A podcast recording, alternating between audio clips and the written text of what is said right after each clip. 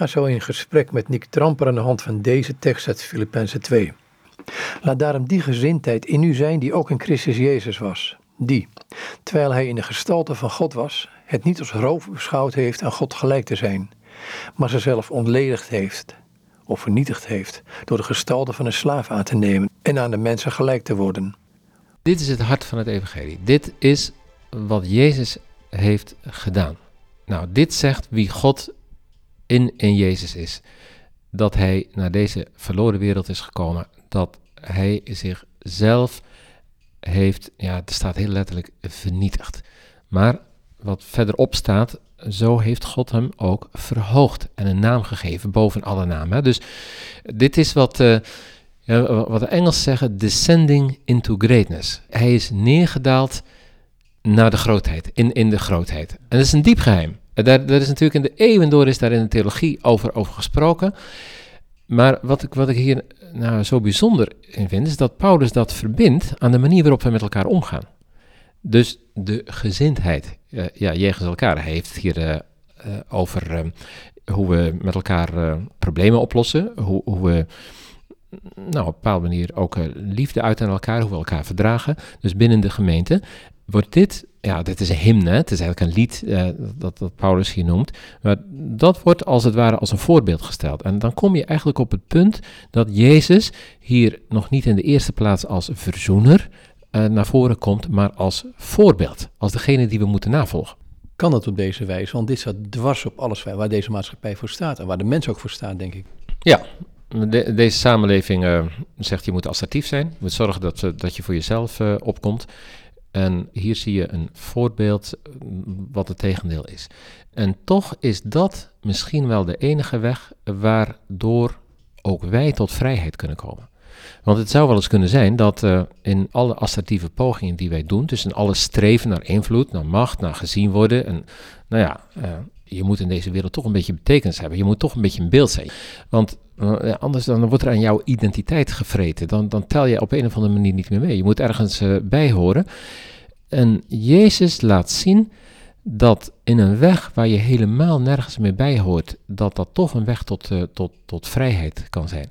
Want het verlangen om ergens bij te horen, het verlangen om invloed te hebben, dat kan een mens ook wel ontzettend in zijn greep uh, houden. Ik, ik heb het idee dat dat uh, nou, in onze cultuur, in onze westerse cultuur, eigenlijk een soort verslaving is. Nou, als je spreekt over de verslaving, dan heb je het wel over gebondenheid en het tegendeel van vrijheid.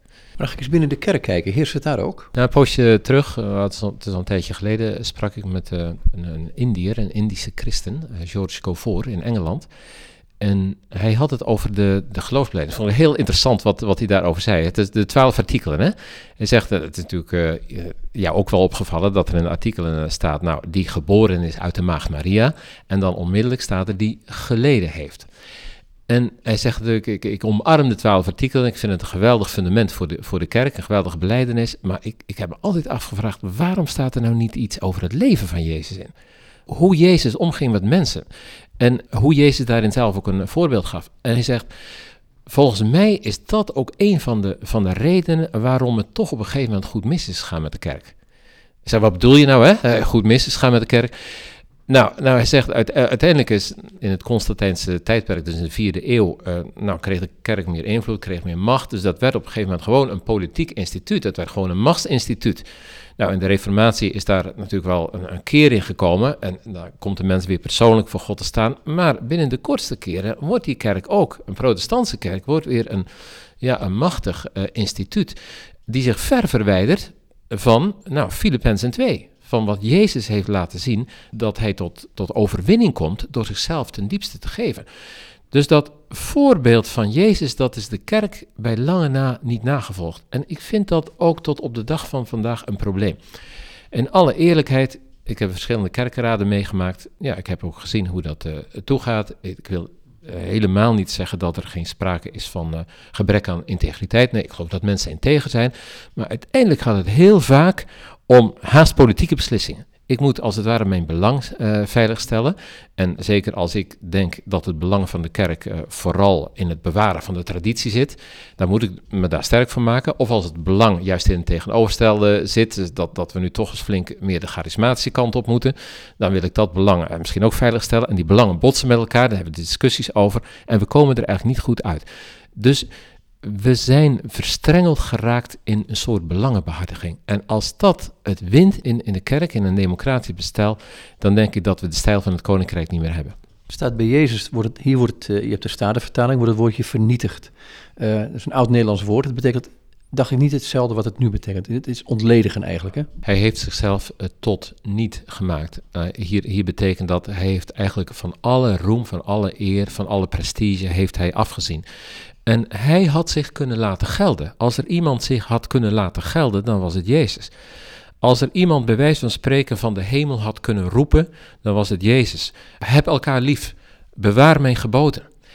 Maar dat heeft hij niet gedaan. Hij heeft niet van de hemel geroepen, maar hij is gekomen.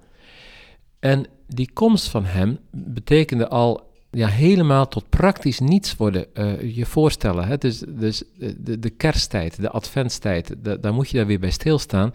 Dat hij zichzelf tot een minuscuul celletje heeft gemaakt. Dat is haast tot niets. Om uh, geboren te worden uit de Maagd Maria. Nou stel je dat, dat voor.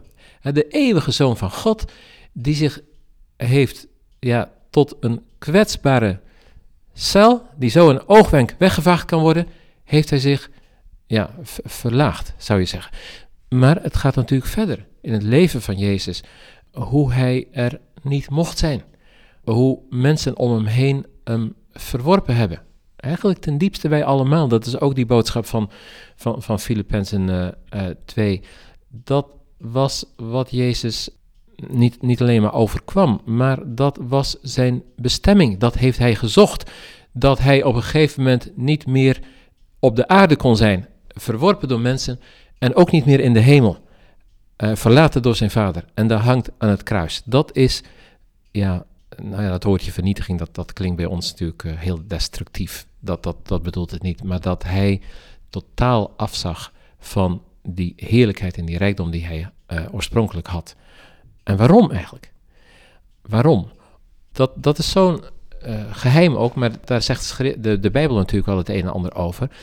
Dat hij daardoor ook voor de vader kan verschijnen. Dat hij weer in die heerlijkheid terug mag komen. Dat, dat de vader tegen zijn zoon zegt: Ik heb gezien jouw gehoorzaamheid. Dat je je vernederd hebt ten, ten diepste toe, tot de dood van het kruis. Maar daarom heb ik jou ook verhoogd. Daarom heb je een naam gekregen boven alle naam. En die naam van Jezus, dat wil zeggen de kracht van Jezus, dat is niet dat hij teruggaat naar de Vader en weer in die oorspronkelijke heerlijkheid, dus deelt waar hij uh, in deelde toen, voordat hij naar de wereld kwam, maar hij staat daar als het ware met de schepping. Hij is daar samen met het boek van het gebed, zag ik wel eens. Dat gebedsboek van Jezus, waar de namen van, van al zijn kinderen in staan. Hij verschijnt dus uh, niet alleen voor de Vader, maar samen met dat wat hij heeft liefgehad. En dat vind ik geweldig. Dus om de vreugde die hem voorgesteld was, heeft hij het kruis verdragen en het schande veracht. Ligt het grote dilemma bij ons dan niet dat wij in wezen Jezus daarin verlogenen door onszelf te handhaven? Ja, ik denk dat, dat wij mensen, deze persoon net zo goed, heel vaak bezig is, voortdurend uh, bezig is om uh, het gezicht op te houden. Om toch te zeggen, nou ja, uh, nou, je, je, je, moet, je moet wat betekenen. Je, je kunt er niet zomaar afgaan. Het is, het is een vorm van angst hè, die, die ons voortdurend begeleidt. En ja, ten diepste misken je dan eigenlijk Jezus. Want je miskent, je ontkent hoezeer hij voor jou is afgegaan. En het geneest je ook wel hoor, moet ik zeggen. Is van, van, van, van die vormen van angst dat je denkt van, nou ja, ik moet dat toch een beetje goed doen. Want ja, wat zullen mensen dan, uh, dan wel niet zeggen? Ik moet toch ook een beetje goed mijn woorden kiezen. Die, die preek die moet toch ook wel een beetje goed in elkaar steken. Hè? Want er zijn allemaal mensen die, die op een of andere manier toch heel veel moeite hebben ons gezicht verliezen. Nou, dat, dat moeten we ook niet zoeken natuurlijk. Dat, dat, dat bedoel ik ook niet dat je niet je best moet doen. Integendeel, ik denk dat we ook kwaliteit uh, moeten leveren. Maar daar gaat het niet over. Het gaat erom dat ik op een of andere manier bezig ben met, mezelf te realiseren. En dan, dan ontmoet ik Jezus. Dan kom ik voor Jezus staan. Die zegt: uh, Mijn zoon, realiseer je nog, wist je nog wel wat dat mij gekost heeft eigenlijk? Om, om jou op te rapen en om, om jou op je benen te laten staan. Dat jij weer recht tegenover God en tegenover mensen mag staan. Waarom maak je je zo druk voor je eigen hachje? Waarom leid je niet liever? Waarom wil je altijd gelijk hebben?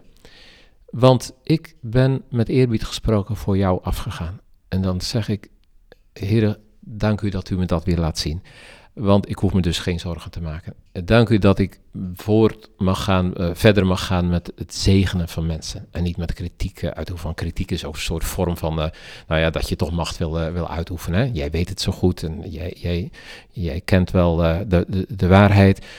En dat is iets waar, waar Jezus ons telkens weer van moet genezen. Ik zou zeggen van, van, van, van dag tot dag eigenlijk. En wat hij ook wil doen. En dat, nou, dat wordt dan toch tot een, een kracht, een, een liefde die in de ruimte zet, die in de vrijheid zet, die je op een gegeven moment ook van kramp uh, bevrijdt. Die vrijheid, hè? Um, dan kom je bij deze gezindheid uit. Ja, dat betekent dat, uh, dat, dat is misschien ook heel ideaal gesteld, uh, dat, dat we moeten en ook mogen dienen. En, en dienen nou, dat is natuurlijk niet zo'n populair woord. Dienen betekent dat je een dienst stelt van de ander. En het dienen kan, dat, dat kan ook pas als je echt ook naar God wil luisteren. Als je, als je, als je God wil dienen. Dus als er iets van die liefde van, van Christus door je, jou heen gaat. Maar dienen, in, in de echte volle betekenis van het woord, brengt je ook bij vrijheid. Want dienen is niet van ja, dat moet nu eenmaal. Maar dienen is iets geweldig vrolijks er, er zijn, beschikbaar zijn voor mensen. Uh, ja, ik vind dat ook uh, als predikant uh, er zijn bij en voor mensen. Dat, dat, dat kan op een gegeven moment ook, ook een beetje bedreigend zijn. Van, van mensen hebben hun, hun verlangens, mensen hebben hun ja, ook verborgen verlangens. En je denkt, daar moet ik allemaal aan beantwoorden. Maar, maar dat is natuurlijk niet dienen. Dienen is met het evangelie en, met je houding, met dat wat, je, wat jou is toevertrouwd, ook, ook mensen ja, helpen, mensen verder helpen. De een kun je duwtje de ene kant op geven en de andere uh, de andere kant. En het is, uh, geweld, dat is gaaf om dat te doen. En juist in de dienst uh, komt de vrijheid. In het streven naar invloed, in het streven naar macht als kerk, of het streven naar getal, als we daarmee bezig zijn, dan gaan we het verliezen. We verliezen het vroeg of laat. Je kunt zeggen, nou, ik, ik streef naar een, een, grote gemeente. Nou, het is mijn diepste verlangen dat de gemeente groeit. Ehm, maar als dat uh, ons doel wordt, als dat ons streven wordt, dan kunnen we misschien bepaalde doelen ook nog wel bereiken, vroeg of laat. Maar we zullen het toch een keer verliezen, want het gaat niet om uh, het getal. Het gaat om dat, dat, dat wij de zegen en de kracht van God representeren in ons leven, ook als gemeente. En dat we het ook beschikbaar stellen aan, aan aan God en zeggen: Hier is het, uh, Heere God, wilt u ermee doen uh, wat u wil? Uh, wij weten niet wat uw plan is met deze stad, bijvoorbeeld. Deze nou, stad Vlaardingen, waar we ons bevinden, een industriestad. Ik heb daar grote verwachtingen van. Ik, ik zie daar ook tekenen van dat God mensen roept, heel ongedacht en heel onverwacht. En dat Hij aan de gang gaat. Dat is misschien ook omdat vele mensen hebben gebeden en, en nog steeds bidden. en en dat er dan zegen komt. En, en dat er dan ook groei komt. En dat we zeggen, nee, dat is niet onze inspanning, maar dank u uh, wat, wat u geeft. Ik bid daar ook voor, ik uh, hoop daar ook op. En uh, ja, ik weet dat vele mensen dat doen. Een slotvraag, wat is vrijheid volgens jou? Vrijheid, dat is een, een, een begrip dat je leert kennen als je gehoorzaam bent. En die twee lijken tegenstrijdig. Maar in het gehoorzaamheid, dat, dan komt dat woordje uh, dienst, dat komt toch weer naar voren. Dat wil zeggen dat je doet wat je roeping is, dat je doet wat je opdracht is, dat je niet argumenteert en redeneert en door allerlei redeneringen jezelf overeind uh, blijft houden, maar dat als Jezus zegt ga, dat je ook gaat. En als Jezus zegt kom, dat je dan uh, ook komt. En het is ook, ja, het is ook genade als je dat mag doen, dat, dat, dat moet ik ook, ook erbij zeggen. Maar dan ervaar je dat op, in die weg van gehoorzaamheid er een geweldige vrijheid komt. Want het tegendeel van vrijheid is um, gebondenheid. Nou, gebondenheid heeft met verslaving te maken. Dat wil zeggen, uh, verslaving, dat, dat is het vieren van jouw verlangen. Dus het, het, het, het hoe, hoe, moet ik dat nou precies uitleggen? Maar dat jouw verlangens, uh, dat, dat die tot zijn recht komen. En een mens heeft natuurlijk ontzettend veel verlangens. Er, er, is een verlangen naar, naar relaties, er is een verlangen naar seksualiteit, er is een verlangen naar macht, er is een verlangen naar invloed, een, een verlangen naar rijkdom. Iedereen kent zijn, zijn verlangens en zijn passies op, op dat uh, gebied. Maar je ziet ontzettend veel mensen die hun verlangens, al is het maar in het weekend te kunnen feesten, ja, bot vieren en daar geweldig onvrij door worden. Dat ook op een gegeven moment niet herkennen, want de grootste onvrijheid is dat je zelf zegt: Ik ben vrij, maar je, je hebt niet door dat je onvrij bent, maar dat je uiteindelijk verslaafd bent. Nou, gehoorzaamheid, dat heeft te maken met horen. En je kunt pas horen als je geroepen wordt. En ik denk, of ik weet zeker, dat God roept. God mensen roept, God ons roept. En als God roept, dan kunnen we kiezen om ons eigen verlangen te blijven doen, of dat we zijn stem horen. En in het horen van zijn stem zullen we ervaren dat we tot vrijheid komen.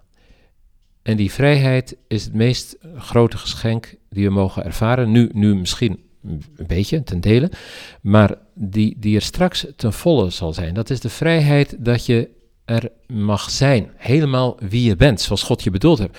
Maar vooral ook dat God er is en dat je in zijn nabijheid bent.